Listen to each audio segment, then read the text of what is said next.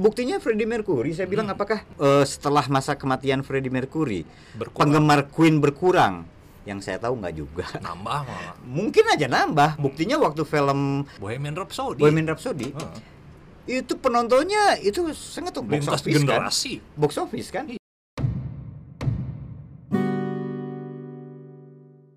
Oke, ketemu lagi sama saya Patri Handoyo ditemani sama Tri Irwanda. Ini lagi dekat-dekat Hari AIDS sedunia. Sekarang bulan Desember ya, Kang. ya dan Ah. biasanya ya Ya, bulan Desember kan diawali dengan hari AIDS ya Hari AIDS tanggal karena satu, satu. Kan tanggal satu itu. tanggal 1 Desember Nah, kalau kita kemarin ngomongin soal nah, legenda-legenda yang meninggal karena OD, narkoba, sekarang kita pengen ngulas soal uh, legenda-legenda, ah, bukan legenda lah ya, mungkin orang-orang terkenal gitu kali ya, Mhm, selebritis mhm, yang mhm, mhm. yang HIV gitu. Nah, dimulai dari eh, apa? Mungkin dari dari yang levelnya internasional dulu kali ya gitu. Iya. Setahu saya sih yang paling apa Terkenal. ketahuan terkenal. itu kan Freddie Mercury dan dia eh, beberapa bulan menjelang kematiannya baru terbuka tuh Iya. dia HIV gitu kan. Mhm. Nah, kalau di filmnya sih kan waktu di Live Aid ya, tapi kan ternyata nggak kayak gitu eh, ceritanya, gitu. Bukan di situ gitu. Nah, eh, sekarang kita pengen ngebahas soal itu. Lu tahu nggak, Kang, siapa aja Kang? Eh, ya Freddie Mercury Freddie jelas Mercury, ya. Freddie. Mercury itu ya kawan-kawan tahu lah ya vokalis Queen dan dan dia juga sering jadi simbol ya. Misalnya Hmm. apa namanya? eh rocker, artis terkenal dunia, lagu-lagunya banyak di di Indonesia juga banyak banget penggemarnya Banyak kan. banget. Dan ternyata di akhir di di jelang kematiannya orang baru baru banyak orang baru ngeh bahwa ya gempar kemudian kan ya dia Hmm. Dan memang Freddie ngakuin, Iya. ya gue HIV gitu. dia dia terinfeksi HIV Hmm. dan itu udah pada stadium AIDS ya dan memang memang apa namanya memang sakit salah satunya karena eh, ya akibat HIV. Ya, Di mana waktu itu obat anti anti retroviral tuh masih jarang lah ya. Iya, iya. Eh, artikelnya banyak sekali yang menulis tentang apa namanya eh, di balik kematian eh, Freddie Mercury. Tapi walau gimana pun gini, itu tidak menyurutkan Mhm. orang menyukai dia. Oh iya, Kalau saya ngelihatnya gitu, Pat. oh gitu. yang menarik ya gini kan Gimana, eh, gimana? kawan-kawan sering ngelihat ya bahwa eh, kanal ini pun salah satunya ditujukan agar kita nggak punya stigma. Nah, di, yang saya tahu Pat Mhm. dalam HIV dalam soal HIV dan AIDS ini itu kan lekat banget tuh soal cap buruk tadi, soal penilaian buruk tent- yang disebut stigma Iya, itu. iya. Nah, berarti kan Freddy kena stigma tadi karena dia terinfeksi HIV. Dong. Tapi yang saya tahu penggemarnya tetap banyak. Banyak. Lagu-lagu Queen hari ini masih ada yang muter. Mhm. Jadi nggak kemudian Dan Bohemian Rhapsody kan banyak banget yang cover tuh. Oh banyak banget itu, Mhm. banyak banget. Itu kan salah satu lagu terbaik lah Nah. eh, Rolling Stones ya. Pernah oke. majalah itu pernah menobatkan itu jadi salah satu lagu terbaik sepanjang salah satu ya, Mhm. terbaik sepanjang zaman kan. Ya memang saat ini tuh nyawa Bohemian Hmm, Rhapsody ya. Jadi eh, tidak kemudian menyurutkan ah gara-gara oh Freddie Mercury itu AIDS. ternyata AIDS gitu kan. Atau Kemudian homo jadi- gitu. Ya, ya dia gay, Heeh. dia gay. Tapi kan dia juga pernah menikah dengan Ah, oke, perempuan oke. kan. Iya, iya, jadi jadi di situ kalau orang-orang bilang eh, nggak sesederhana itu ya ngelihat Mhm. ngelihat eh, apa ya fenomena atau naonnya tadi. Ya, Jadi sebutlah fenomena. ya jadi nggak sesederhana itu nggak seperti hitam putih kayak gitu ya. Kan gini, eh, ada yang ya kan Freddy kan juga di akhir-akhir masa hidupnya dia baru terbuka gitu. Iya. Kan berarti ada kekhawatiran juga Freddy kalau misalnya ngebuka di Diri. sejak pertama dia tahu dia Mhm. HIV Mhm. gitu, itu bakalan dia bakalan ngerasa oh gue bakalan banyak yang Dibully lah Ah. atau kemudiannya dapat stigma tadi teman-teman karena memang eh, dalam soal HIV saya bilang eh, tadi Pat Hmm. stigma itu nyata ternyata ada Hmm. gitu. Jadi dan ternyata bukan cuma di Indonesia, buktinya Freddy itu ngalamin apalagi di awal-awal ya itu. Itu Di tahun 80-an 80-an. itu di 80-an itu eh, di mana informasi tentang HIV dan AIDS itu sangat minim, masih bila, bisa dibilang minim nggak seperti Ya, sekarang. awal-awal lah. S- nggak seperti sekarang ya. Eh, kalau sekarang kan internet udah ada, orang bisa nyari tahu tentang HIV itu nggak mudah menyebar. Yap. Bisa kena sama siapa aja misalnya sejauh syaratnya terpenuhi. Tapi ini di tahun 80-an dan Freddy pun me- saya bayangin dia dihinggapi rasa takut itu juga. Iya. Pasti. Kalau dia seterbuka itu juga, makanya dia di akhir-akhir lah baru dia eh, apa eh, yang menyatakan dirinya kan memang terinfeksi.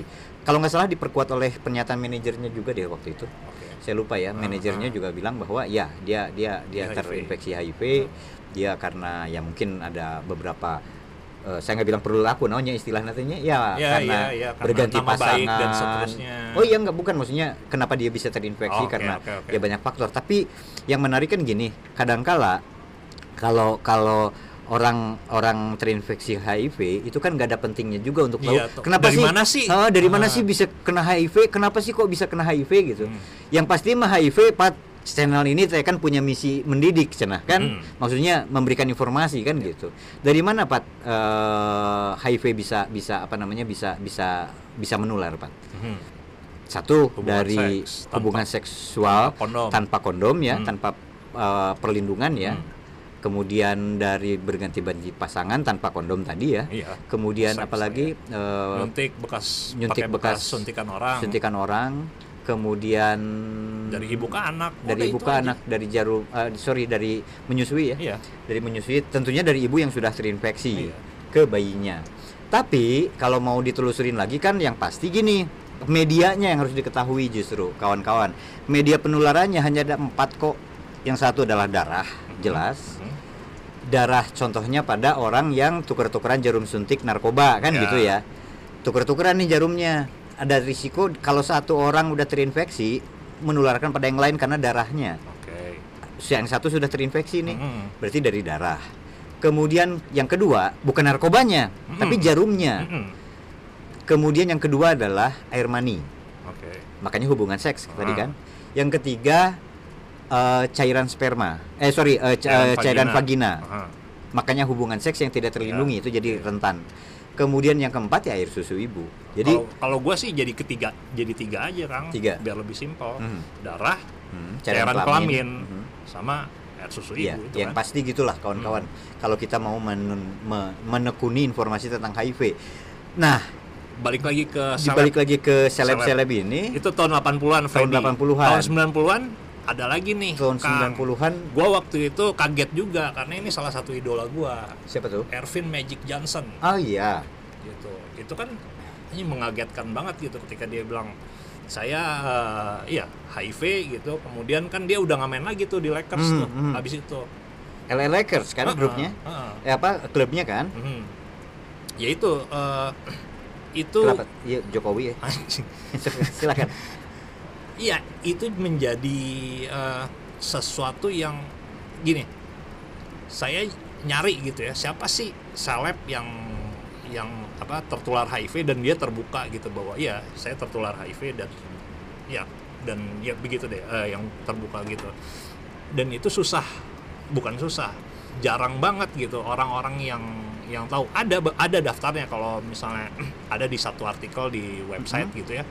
Tapi yang yang saya kenal tuh paling segelintir gitu ya salah satunya Freddie Mercury, Magic Johnson. Magic Tapi Johnson. saya mau mau ngebahas dari waktu dulu deh dari timeline. Tadi Hmm. tahun 80-an Freddie gitu. Tahun 90-an 90 akhir ya Iya. Magic Johnson gitu. Magic Dan Johnson. Magic Johnson kemudian ngalamin tuh yang namanya minum obat ARV yang koktail gitu ya, beberapa tablet setiap hari gitu.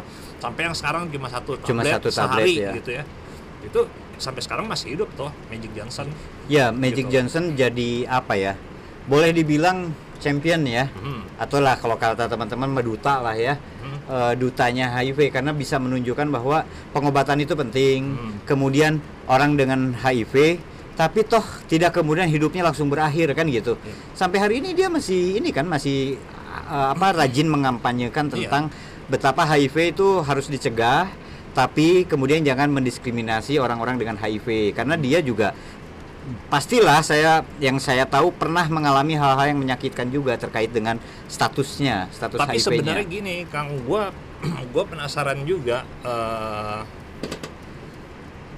kenapa kemudian jarang gitu ya orang yang seleb gitu Hmm. yang eh, terbuka saya mengidap HIV. Karena itu kan sifatnya medis Oke. gitu kan dan medis itu kan status medis itu hanya di Medical record. Iya, hanya boleh diketahui pasien sama si uh, yang iya ngerawat Hmm. dia gitu. hanya itu aja gitu jadi itu hak dia untuk mau terbuka atau enggak Hmm. gitu Terus tapi eh, Magic Johnson memutuskan untuk terbuka ada maksud dong berarti. maksudnya apa coba Kalau buat saya pengen nunjukin sama orang, orang setahu saya itu pernah kok dia nyatakan. Hmm? Saya lupa deh. Eh, dia pengen menyatakan sama orang-orang bahwa ya itu membangkitkan apa ya istilah klisenya mah inspirasi, Hmm. motivasi buat orang yang terinfeksi HIV jangan kemudian putus asa. Oke. Eh, dia masih bisa hidup berkembang dan kemudian masih bisa katakan aja klise sekali lagi sorry berprestasi lah gitu loh Hmm, Pak. hmm, It- itu oke. kan ada Ah, ada iya, misi iya, iya, ada iya. misi yang dibawa oleh Iya, iya. Magic Johnson. kayak Dan- almarhum Ginan kan Ginan di Ah. rumah Cemara itu Hmm. salah satu orang yang dengan leluasa dia bilang bukan berarti menyepelekan ya kalau Hmm. saya nggak ngelihat itu nggak ngelihat bahwa dia menyepelekan ya dia uh, kan HIV dia kan ngitung dong pasti Ya. saya kalau apa namanya Terbuka. terbuka konsekuensinya konsekuensinya A, B, C, D, E, F, iya, gitu ya apakah ada yang ngejauhin Hmm. ada yang menilai dia buruk stigma tadi Iya, misalnya atau apa atau bahkan mungkin ada yang mendiskriminasi tapi dia dengan sadar membuka di membuka status Iya. kesehatannya gitu ya Iya. Ya, itu tadi kan buat buat inspirasi buat menginspirasi orang lain Hmm. memengaruhi orang lain agar misalnya eh ternyata orang dengan HIV itu biasa-biasa aja dalam arti Iya, iya. ya dia juga bisa kok apa eh, ngobrol sama orang Main lain bola. bergaul main bola dan sebagainya. Misalnya itu contoh yang kita dapat dari Ginan misalnya kan. Dan Ginan dengan eh, dengan selalu bilang bahwa ya jangan jangan apa namanya jangan ya jangan mem- mendiskriminasi membuat pembedaan pada orang-orang yang dengan HIV kan. Dan saya pikir semangatnya kan mirip dengan yang terjadi pada misalnya Ervin Magic Johnson Johnson. misalnya. Itu kan pastilah sekarang gini lah Pat Gimana? ngapain gitu seseorang terbuka tentang gue punya Iya, iya. punya virus Dan ini itu dalam punya, tubuh itu haknya dia haknya dia untuk nggak nggak cerita sama orang gitu tapi dia pasti punya maksud untuk menceritakan itu Mhm. dengan harapan bisa berpengaruh baik pada orang-orang oh ternyata yang HIV nggak ini kok nggak Hmm. seperti yang dibayangkan kalau kawan-kawan ingat aja di tahun 90-an awal ya terutama sampai Hmm. ya 90-an akhir itu kan poster-poster tentang HIV itu menakutkan Oke. Ya Iya iya iya. Ya Gambar sih? tengkorak Gambar lah. tengkorak lah, udah- udah- udah orang terbaring, meninggal, apa udah- badan kurus-kurus. kurus-kurus tinggal Ah. kalau kata teman-teman mah apa tinggal Tulang eh, sama- tulang sama kentut ah, lah gitu iya, kan iya. ya jadi udah nggak bisa apa-apa gitu tapi dengan munculnya sosok-sosok begitu sekali lagi bukan berarti menganggap sepele Mhm. soal HIV Hmm. bukan menganggap remeh ya Ya. tapi orang dapat inspirasi bahwa ya ini bukan Bukan sorry lagi-lagi yang lagi-lagi- akhir dari dunia Iya, gitu ya. lagi-lagi klise ya, bukan akhir segalanya gitu loh. Orang masih bisa kok kuliah kek, Hmm. kerja kek, main band kek, main bola kek Yoi. atau apa pun gitu. Yang penting dia tadi seperti Magic Johnson dia minum obat dengan teratur, Hmm. dia menjadi contoh. Saya punya kenal juga loh Pat beberapa kawan yang ntar kapan-kapan kita ajak wawancara Iya, juga ya. oke. Misalnya eh, Mbak Asti kalau lagi nonton tayangan ini ya Hmm, di hmm, Jogja hmm, hmm. Itu Mbak Asti itu kan apa namanya seorang perempuan Hmm. dia apa namanya Pasti pernah di sini. oh iya ya Heeh. Mbak Asti pernah ya Prim ya Pernah. di kanal ini oke jadi Ah. ya jadi dia dia juga eh, rajin minum ARV dengan tujuan ya ingin memberikan pengaruh baik pada yang lain orang yang dengan HIV juga agar Hmm. Jangan lupa deh obat itu penting Oke. biar ya hidup bisa berjalan seperti yang biasa aja seperti orang ya oke lah infeksi ada ya Hmm. maksudnya HIV walau gimana pun infeksi kan itu infeksi virus ya Oke. tapi ya dia masih bisa sehat dia Ya. masih bisa kerja masih bisa ngapa-ngapain gitu Ya, kan ini mumpung ngebahas ARV ya. Hmm. Ya, eh, ya Mbak Asti itu udah atau Ginan itu tahun 2000-an lah ya. Iya. Tahun 2000-an gitu. Tapi kan Freddie Mercury kan terpaksa menyerah karena waktu itu keadaannya ya belum se secanggih ini. sekarang Ya, pengobatan itu belum semaju sekarang ya Magic Johnson dia oke lah dia eh, ngerasain gitu dari minum berapa tablet sehari jadi mungkin sekarang cuma Iya. tablet sehari gitu jadi ini juga ya mengingatkan betapa pentingnya minum obat gitu ya Kang ya Hmm. minum obat terus nah tapi yang gue bingung juga gini di zaman yang udah lebih baik ini masih banyak juga loh yang yang nggak mau minum obat "Ah, ya nggak mau minum obat gitu Ya, kalau dengar ada kan salah satu tayangan di di kanal ini teman-teman Hmm. ngobrol dengan Dona ya waktu itu. Hmm, hmm. Itu kan eh, topik yang dibicarakan adalah kebayang nggak sih minum ARV, obat itu diminum seumur hidup, ya seumur hidup dan nggak boleh lewat. Hmm. Maksudnya satu hari terlewat gitu. Jadi harus terus rajin. Jenuh lah, Pat. jenuh jenuh pasti. Hmm. Jadi Tapi ada kan si kalanya Dona waktu itu bilangnya, ya ini kan nggak ngabisin waktu gua Ya, banyak gitu, cuma tinggal ya, telan doang. Ya, pengaruh baiknya begitu. Jadi itu yang ingin disampaikan oleh Dona ya di Heeh. kanal ini dia cerita bahwa dia nganggap ini ya nggak akan nyita waktu banget kok. Heeh. Jadi apa sih susahnya untuk minum, Minum obat, obat. dengan rajin? Jadi maksudnya gini, banyak orang juga yang malas karena jenuhnya tadi. Hmm. Ya kalau yang saya tahu ya Mhm. orang-orang ngomongnya. Terus kemudian ada juga yang bilang misalnya efek samping.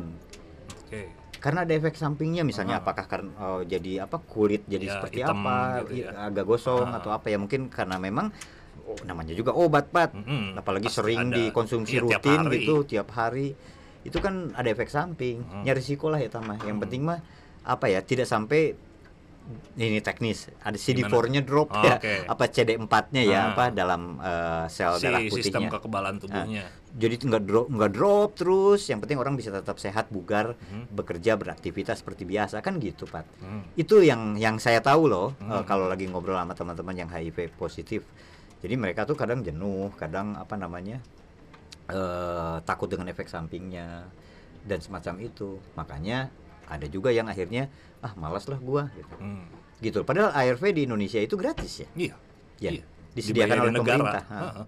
duit negara untuk membiayai itu lewat subsidinya itu udah besar Dan itu Besar. kan komitmen global, nggak cuma Iya, di Indonesia nggak cuma di Indonesia betul betul betul nah kawan-kawan yang HIV positif boleh deh berkomentar di sini Eh, teman-teman Yap. boleh berbagi cerita gini misalnya Eh, gimana caranya ngakalin agar nggak jenuh minum ARV misalnya mumpung Desember ini biasanya orang masih masih sering lah membicarakan tentang HIV dan AIDS gitu Iya. kan jadi silakan teman-teman boleh berkomentar Oke. di kanal ini Nah, balik lagi nih yang soal seleb Ya, sama HIV. seleb kalau itu seleb, tapi kan olah eh, Magic Johnson itu olahragawan Iya. ya, basket. Iya, Sebetul- seleb kan, tapi iya, orang seleb. terkenal. Ya, eh, pesohor. Heeh.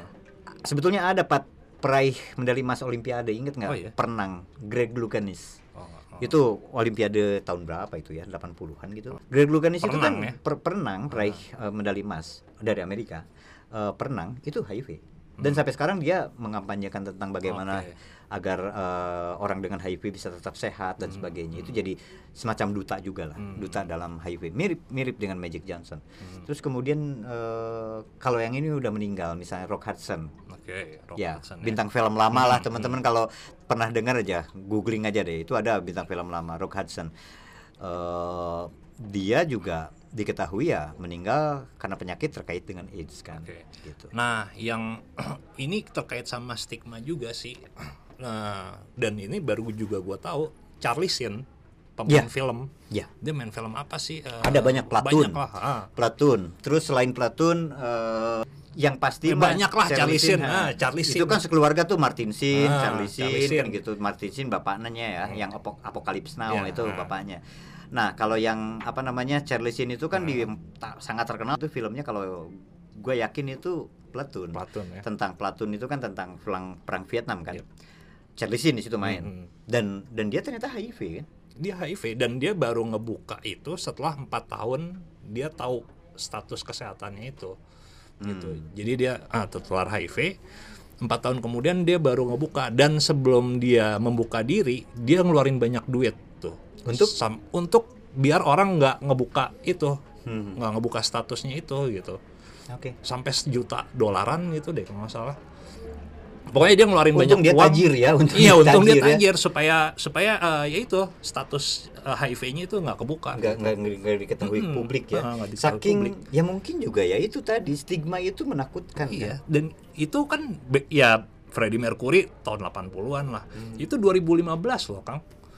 Gitu. Si Iya, Charlie Sheen itu iya. udah berapa Belum dekade terlalu lama, kan? Tiga dekade kan berarti 80, 90, Iya. 2000-an. Iya belum terlalu lama Iya, dari sekarang. Sekarang, kan?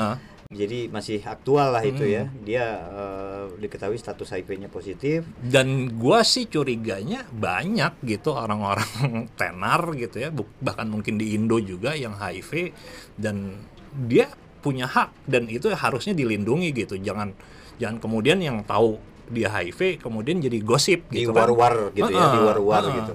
Ya, di satu sisi ya, tapi di satu sisi kan asal orang yang memang eh, memang punya HIV itu punya kesadaran untuk ya itu tadi Iya. melindungi orang lain juga. Misalnya Hmm. gini, taruhlah dia punya istri Oke, atau punya iya, iya, punya punya suami. Hmm. dia tidak eh, apa namanya menyebarkannya pada Ya kepentingannya kan itu aja kan Ah, pribadi kan ah, itu ah. ranah pribadi Ranah kan. Pribadi, gitu. menulari ke pasangan saya gitu. Iya, nggak ada urusannya untuk orang semua Tahu. harus diketahui status. HIV-nya kan. Makanya itulah kenapa kemudian eh, tes HIV itu penting kan, tapi ya didorong kesadarannya gitu loh, Pat. Yoi. Ya nggak sih? Ah, ah. Jadi ya satu-satunya kan gini lah, satu-satunya cara untuk mengetahui tentang status HIV itu udah bukan waktunya lah. Kita ngelihat dari ciri-ciri fisik gitu Yep, ya. yep. Apa satu-satunya jalan ya orang tes HIV. HIV. Tes HIV. Di kota kalian, di kota teman-teman banyak deh. itu kan kayaknya perlu di tekanin juga soalnya banyak yang masuk ke rumah cemara Mhm. Masih berdasarkan ciri-ciri fisik Oh iya iya. Berdasarkan ciri-ciri Cirinya apa aja fisik ya. sih gitu kalau ketularan HIV? Eh, tiba-tiba lidah saya putih-putih Ah. Putih-putih. saya browsing Oh Jamur. itu ciri-ciri HIV katanya. Padahal buat yang jamur naon gitu ya kan kita nggak tahu. Ya kawan-kawan sejauh yang eh, kami ketahui antara kita juga satu waktu ngobrol lagi sama dokter ya. Pat ya di rumah Cemara dekat lah kenal ini dekat dengan beberapa dokter yang aktif dalam bidang HIV ini. Kita selalu dikasih tahu bahwa HIV itu nggak ada ciri-ciri fisiknya kan gitu. Hmm. Jadi eh, nggak ada ciri-ciri fisiknya kecuali kalau orang itu sudah masuk ke stadium AIDS ya. Yep. Maksudnya eh, sudah ada penyakitnya, sudah ada penyakitnya. Si sistem kekebalan tubuhnya Udah sudah drop banget, gitu, udah drop karena dia banget. nggak minum obat. Karena nggak ada obat yang masuk, obat ARV tadi. Jadi udah mulailah ada misalnya jamur, udah mulai Hmm. apa namanya TBC. penyakit-penyakit terutama di Indonesia itu paling banyak kan karena TB ya yang Hmm. meninggal, TBC misalnya tuberkulosa teman-teman. Kemudian ada penyakit-penyakit itu disebutnya radang otak. itu ya radang otak misalnya tokso ya Ah. plasmosis itu kan disebutnya oleh teman-teman yang ak- apa yang sering bekerja di bidang ini mah apa infeksi oportunistik gaya gaya ya Iya, iya. jadi ya sebetulnya itu infeksi oportunistik itu penyakit yang memang memanfaatkan ya Memanfaatkan. oportunis memanfaatkan kesempatan dalam kesempitan ya Mhm. begitu orang yang punya HIV yang terinfeksi HIV nggak minum obat drop. kesehatannya drop ah penyakit baru masuk gampang banget masuknya Hmm. misalnya jadi rentan banget itu orang maka kemudian TB yang paling banyak di Indonesia iya. Makanya ada eh, tuberkulosa kan program sendiri ya Iya. kalau untuk Ah. eh, HIV dan AIDS jadi itu ciri-cirinya sebetulnya kalau soal HIV sejauh yang kami ketahui nggak ada ciri-cirinya Mhm. terus kemudian satu-satunya jalan untuk mengetahui status HIV ya adalah dengan cara tes HIV. tes HIV. Jadi itu di tempat kalian teman-teman banyak deh di kota mana pun tinggal datang kok ke adalah saya yakin eh, di rumah sakit bisa ditanyakan informasinya. Setahu saya di banyak puskesmas juga sudah bisa kan tes. HIV. dan rumah Bisa. sakit pemerintah ya Iya, Iya, puskesmas dan rumah gratis sakit ya? eh, gratis, Iya, kecuali kan bayar program. registrasi apa sih Iyalah, Eh, retribusi, sorry, retribusi untuk retribusi atau apa. Tapi gitu, rumah iya, sakit negeri kan ada ya. ya ada ada retribusi kan Mhm. paling berapa ribu rupiah gitu itu kan tergantung retribusi tergantung perdanya kan berapa Mhm. menetapkannya beda-beda tapi yang pasti untuk tesnya itu setahu saya disubsidi sama dengan obat tadi Hmm. gratis gitu jadi teman-teman memang didorong terutama yang merasa punya potensi gitu loh Pat kalau saya ngebayanginnya gitu Nah, terutama yang punya risiko mhm. ah saya tuh dulu misalnya sering ganti-ganti pasangan nih Oke. nggak pakai kondom lagi Hmm. misalnya alah siap gimana kalau saya ternyata ter- terkena HIV Hmm. untuk tahu itu kan pasti satu-satunya jalan tes HIV atau ah saya kayaknya pernah nyuntik pakai Pernah nyuntik. bekas Ah, ah. orang nih gitu. atau misalnya nggak usah gitu saya pernah datang ke satu layanan kesehatan entah di mana misalnya di pegunungan atau di mana di pelosok yang ternyata tuh bukan Suntikannya- suntikan bekas Iya. misalnya cuma dibersihin bleaching aja ya Iya, atau gimana iya. kan kita ragu juga ya Hmm. nggak dibuka segelnya kita curiga misalnya atau ke dukun palsu misalnya dikasih suntikan kita curiga bukan cuma HIV Pat Mm. bisa Iya, hepatitis, hepatitis. bisa penyakit-penyakit Iya, lain kan lain kan. jadi ya itu teman-teman pentingnya untuk tahu status HIV dari Nah. tes HIV Gini Kang, menurut lu masih penting nggak sih ada orang terkenal yang membuka dirinya dan mengkampanyekan itu di Indonesia gitu? Oke, kalau itu pertanyaan pribadi buat saya ya. Ah. Jadi kalau buat saya bisa Jadi penting kan bisa enggak. Kalau kalau di internasional kita punya Magic Johnson nih sebagai champion Ya, tadi sebagai lu champion bilang ya. tadi atau duta atau Hmm, apa pun hmm. lah ya. Ada Greg Lucanis tadi, ada Ah. ada beberapa contoh yang misalnya bisa menunjukkan pada orang-orang bahwa Kalau iya, kalau Charlie Sheen dia sekarang jadi eh, bintang iklan kondom di negara Eropa, Swedia atau apalah Hmm. gitu. iya, Jadi kayak gitu jadi ah, jadi tentang manfaat kondom Ah, jadinya ya. ah, untuk mencegah ya karena kondom eh, salah satu alat pencegah Mm-mm. terinfeksi Iya, balik lagi ke pertanyaan. infeksi menular seksual HIV juga tadi masih Ah. perlu nggak sih di Indonesia? Eh, Duta- ya bisa, duta bisa perlu itu. bisa enggak sih Pat Ah. tapi kalau buat saya sih kadang perlu eh contoh kayak gitu, Oh, gitu? tuh. kalau buat saya kadang perlu gitu Hmm. dengan catatan ya itu tadi contohnya yang memang orang-orang ya seperti orang-orang yang champion saya bilang jadi orang yang memang sudah membuktikan dirinya bahwa ya meskipun dia terinfeksi HIV dia terinfeksi HIV tapi ya seperti contoh gini deh Ayu Oktariani dia Hmm. pernah juga si, eh, apa rekaman apa eh, ada tayangannya di sini Hmm, kan hmm, hmm. Teh Ayu ini kan perempuan dia Neng punya Ayu, anak. Neng Ayu. Neng Ayu ya Hmm.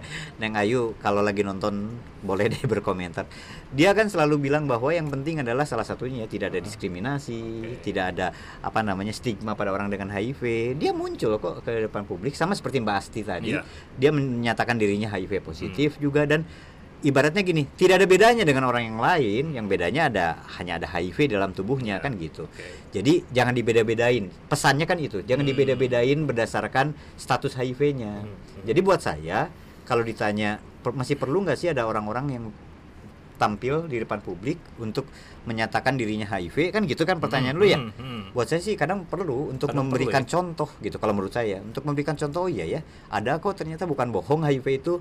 Ternyata ini ada si Mbak Ayu, ada Mbak Asti atau misalnya ada beberapa contoh Ginan waktu Iya, itu. iya, contoh gua Ginan. jadi ya karena kan gue ya ya kita sama-sama bareng nih di rumah Cemara waktu itu Mm-mm. sama Gina. Waktu lu awal-awal bikin Iya, rumah kan, Semara ya. ah, jadi ya efeknya tuh banyak banget gitu ketika Ginan tampil ya saya HIV terus kemudian kenapa kalau saya HIV gue masih bisa main bola gitu masih bisa tinju dan seterusnya itu inspiring banget gitu loh buat uh, Oda atau Odif Odif yang lain gitu orang Saya- dengan HIV yang lain Saya Pat, saya waktu kenal Ginan awal Hmm. itu eh, waktu itu lu sama Ginan baru bikin rumah Semara Hmm, ya, hmm. tahun 2003 berarti ya. Hmm, Tahun 2003 awal itu.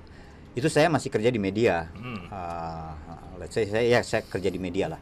Nah, di media artinya saya sering melakukan peliputan, sering membuat berita termasuk Oke, tentang ah. HIV gitu. Di situ saya eh, dari kacamata awam, Hmm. saya awam ya Hmm. waktu itu. dan lu bukan bukan HIV positif kan Ya sejauh ini kan dari hasil tes enggak Ah. gitu ya.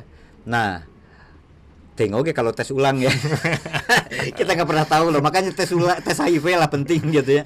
Nah, Pat, saya itu ta- begitu tahu Ginan mem- menunjukkan dirinya bahwa dia HIV positif depan saya dan saya tuh antara percaya nggak percaya Hmm, gitu. Kenapa? hmm, Karena di benak saya Orang dan saya HIV itu bayangin kurus kering. Iya, saya termakan dengan kampanye-kampanye yang dulu kan, orang dengan HIV itu AIDS. Hmm. AIDS ah pasti ya mah geus dina kasur we hungkul nggak bisa apa apa udah dalam tempat tidur. Nah, eh waktu itu saya ngelihat sosok Ginan itu membuat saya terbuka Hmm. pikiran sama mata saya. Oh iya, ternyata dia mau minum kopi bareng waktu itu sama Hmm. saya perkenalan saya tuh. Dia minum kopi bareng sama saya, Hmm. kami kebetulan ngerokok juga, saya Mhm. ngerokok juga, ngerokok, hahehe, ngobrol. Di, saya nggak ngelihat ada yang beda. Hmm. Itu kan persentuhan pertama saya dengan orang yang dengan HIV secara langsung, Hmm. sebut aja begitu. Hmm. Hmm. Itu 180 derajat berguguran Oke. apa eh, citra tentang orang dengan HIV di benak saya waktu itu. Anjir, biasa wae, biasa aja ternyata hmm, orang yang dengan HIV itu. Dia juga bisa pakai motor, dia juga bisa bisa apa namanya nyablak, bisa Iya, ketawa-ketawa. dan saya tahu dia vokalis sebuah band misalnya, dia Pemain suaranya eh, pemain Petinju. bola, petinju juga, bahkan saya mau olahraganya juga nggak bagus sebagus dia kan gitu. Jadi apa bedanya? Yang membedakan hanya ada virusnya aja di dalam. Itu Oke. pat. Kemudian Iya, iya, iya. mulai kemudian saya kenal dengan beberapa orang yang lain Dan yang HIV gini, positif. Gini Kang, Ginan tuh bukan seleb waktu itu tahun 2003 ya. Eh, Gitu, biasa-biasa tapi- karena budak kritik ya Eh, gitu. dan karena dia terbuka gitu ya dan dia jadi inspirasi banyak orang men Hmm. gitu Iya. Iya. jadi Nah, maksud saya oke seleb penting gitu ya orang terkenal gitu buat menginspirasi orang karena dia Betul. udah emang orang terkenal gitu Iya. Tapi ada juga lah orang-orang Orang biasa orang seperti biasa, Ginan di masa lalu Neng Ayu gitu Neng misalnya. Ayu yang bukan Atau Mbak Asti. bintang film, bukan penyanyi artis seperti yang sering ada di TV-TV kan. Iya. Nah, itu buat saya sih tetap makanya itu yang saya bilang dia, mereka champion, Hmm. Pak. Mereka pemenang, mereka Hmm. champion. Hidup dengan itu, dengan HIV, kemudian menjalani hari-harinya dan menunjukkan pada orang-orang ya lagi-lagi sorry ya kalau banyak klise teladannya Hmm, teladan, teladan gitu ya. suri teladan jadi dia rajin minum ARV Hmm. kemudian dia juga tetap beraktivitas dia menyuarakan agar HIV nggak dapat stigma nggak dapat diskriminasi ngajak orang tapi juga nggak nggak apa namanya nggak nyalah nyalahin amat kalau orang nggak tahu tentang HIV gitu loh Oke. Ah. kan banyak banyak juga tuh karena ketidaktahuan aja Ah, ah. orang tanpa sadar melakukan stigma gitu Mhm. Jadi buat saya harus bijak juga yap, yap. Ses- mungkin seperti saya Mhm. saya di masa lalu juga saya nggak tahu tentang HIV yang banyak jadi di pikiran saya seperti itu Iya, gitu. ah. jadi Dan ketika lu ketemu Ginan, biasa-biasa biasa aja, kan ternyata. ternyata ah, biasa wae sih gak orang ya, sa- tampak Seperti seperti lu. saya ngobrol dengan teman-teman yang lain juga Ah. gitu jadi selesai lah soal itu gitu jadi udah selesai sebetulnya soal soal, soal stigma Nah, soal apa Oke. Tadi Nah, ya. ini ini ini sebagai bahan perenungan kita bareng Iya, ya teman-teman iya. ya. Mhm. Iya bisa jadi Di, karena di zaman yang udah seperti ini gitu. masih ada orang yang nggak mau minum Ah, obat ah. ya minum obat ya Ini ada satu gejala yang umum juga kan ternyata tingkat orang Putus. putus putus ARV ARV. itu lumayan, lah ya. lumayan tinggi ya. Ah. Ya di Indonesia apalagi saya nggak pengen ngomong sama Patri, Patri juga nggak pasti nggak pengen ngomong. Biasanya ada istilahnya lost to follow up. Iya, Kalau iya, di kalangan LSM HIV ya, ngomongnya lost to follow Ya, up. putus obat atau ya. ya putus obat misalnya. Putus- ya, putus ARV, putus terapi ARV, lah ya. Putus terapi. Jadi orang nggak ngikutin lagi terapi. Tapi juga ada yang eh, kalau ngobrol sama teman-teman yang aktif di bidang ini, Pat, Hmm. itu ada juga karena fenomena ini misalnya herbal. Ada. Oke. Jadi misalnya gini, saya nggak akan lagi Jadi datang ke sana. Hudson lebih memilih herbal ketimbang ARV gitu. Ada pat beberapa pat Maksud yang teman-teman nggak tahu di tempat kalian ada nggak yang pernah eh, lihat iklan-iklannya misalnya gini, ada ajengan nih, ajengan yang bisa menyembuhkan HIV. Oke lah, misalnya orang pintar, Oh. orang pintar dalam tanda petik, ada orang pintar yang eh, bisa memindahkan HIV ke misalnya ke ayam. Nah. Dulu pernah Oke, ada iklannya. ke kambing. Oh, ke kambing, ke pohon kelapa Wah. gitu. Itu pernah ada. Tapi kan Jadi- itu udah dibantah sama pesulap merah, men. Ya, beberapa beberapa eh, ya kalaulah pesulap merah bisa meneliti itu bisa nga- Iya, iya. ngatasin itu ya. Nah, ada Pat temuan-temuan seperti itu. Kalau kita misalnya lagi ngobrol dengan teman-teman yang aktif di bidang ini, itu katanya ada juga si A, si B misalnya eh, nggak lagi berobat ke puskesmas ini ngambil obatnya atau ke rumah sakit karena dia udah beralih herbal misalnya disarankan oleh entah keluarga entah orang pintar tadi pakai herbal ini pakai herbal itu setahu kami sih sejauh ini ya rumah Cemara masih meyakini ini ya Hmm. ya ARV satu-satunya jalan untuk menekan perkembangbiakan virusnya Mhm. nggak nyembuhin Pat Yang Nggak ngilangin virusnya. Gini kan. tapi menekan aja biar Saya sehat aja Gimana orang yang berada di pelosok gitu yang harus jalan puluhan di Papua deh gitu. Gue sering banyak dapat cerita tuh dia harus jalan kaki menuju puskesmas sebulan sekali. Papua Mada eh, oh, sorry di, di- dari studio ini jauh lah ya Iya. Kita ada di Bandung. deh misalnya. di ini Pat Di mana? di Jawa Barat juga Nah, di Pangandaran Oke, iya. yang saya nggak tahu sekarang mungkin teman-teman di Pangandaran bisa bisa Hmm, kasih hmm, cerita deh. Ya, dia harus saya, harus dia kalau menempuh. misalnya harus ngambil obat itu dia harus ke Banjar paling dekat tapi kalau di Banjar lagi nggak ada bisa harus ke Tasik Oke. 100 km lebih Yoi, yoi, men iya, apalagi iya. kalau dari pelosoknya Mhm. memakan biaya memakan waktu Hmm. belum kalau dia lagi kerja misalnya atau gimana kan gitu pak Mhm. jadi ya mungkin itu menambah Iya menambah, menambah orang untuk jadi malas berobat kali ya saya nggak Iya, tahu Iya, iya. Oh. mungkin ya selain tadi efek samping Hmm. kemudian apalagi eh, ada informasi-informasi Iya, yang tadi yang pengobatan alternatif. alternatif gitu misalnya atau mungkin juga soal jenuhnya tadi gitu kan jadi ada banyak faktor oke Rock Hudson tadi Hmm. terus Greg Louganis sudah terus di di Indonesia itu nah Nah, ini yang menarik ini. nih di Indonesia itu saya nggak tahu ya seleb mah ya. Nah, seleb ada nggak nggak tahu teman-teman ada nggak yang pernah melihat contoh seleb yang kategori seleb kan pesohor ya mhm. sederhananya terkenal lah. sederhana nama lah orang yang sering tampil di TV gitu lah ya. Iya. ada nggak sih yang pernah eh, dia testimonial gitu menyatakan dirinya memang dia HIV positif saya rasa nggak pernah lihat loh pak Iya. saya rasanya nggak pernah lihat ya Iya, tapi kan pertanyaannya balik lagi apa pentingnya dia harus Apa pentingnya dia itu? harus- Heeh. Tadi kan lu jawab. kan Ya, tetap dibutuhkan orang-orang iya, gitu iya, iya, tetap dibutuhin. tetap orang. dibutuhin ada orang yang menyatakan dirinya dan dia menunjukkan bahwa dia sehat gitu loh Hmm. dia sehat gitu Dan nggak kayak harus nggak harus kayak Charlie Sheen kan yang habisin satu juta dolar Iya, satu juta untuk dolar. membungkam orang-orang di sekitarnya uh-uh. supaya nggak supaya cablak gitu ya. nyuap gitu ya nyuap orang-orang Oh. agar nggak nyebarin statusnya gitu status HIV-nya saya nggak pernah nggak pernah tahu pat kalau di Indonesia pat nggak tahu lu udah pernah dengar belum Hmm, belum ada sih Belum ada. belum ada oke nah makanya kan tadi gua nanya gitu kemudian pentingnya apa gitu tapi masih dibutuhkan lah ya kalau buat saya itu tetap penting Hmm. jadi suri toladan tadi dan, dan dan begini kayak Magic Johnson deh misalnya orang udah nggak peduli lagi tuh dia dapat HIV-nya dari mana Iya, ya kan iya itu yang paling penting. Heeh. Karena ya itu yang paling penting, Pat. Eh, gini, jangan jangan kemudian kita bertanya-tanya terus ini sih ini dapatnya dari mana? Karena yang muncul adalah dugaan-dugaan, Hmm, prasangka, dan prasangka, sebagainya ah. gitu, yang kadang-kadang nggak relevan gitu. oh orang ini nggak bermoral Oh, nggak gitu. bermoral lah, orang ini nggak- oh. diazab dan seterusnya Oh gitu iya, kan. yang nggak relevan, Heeh. makanya saya bilang.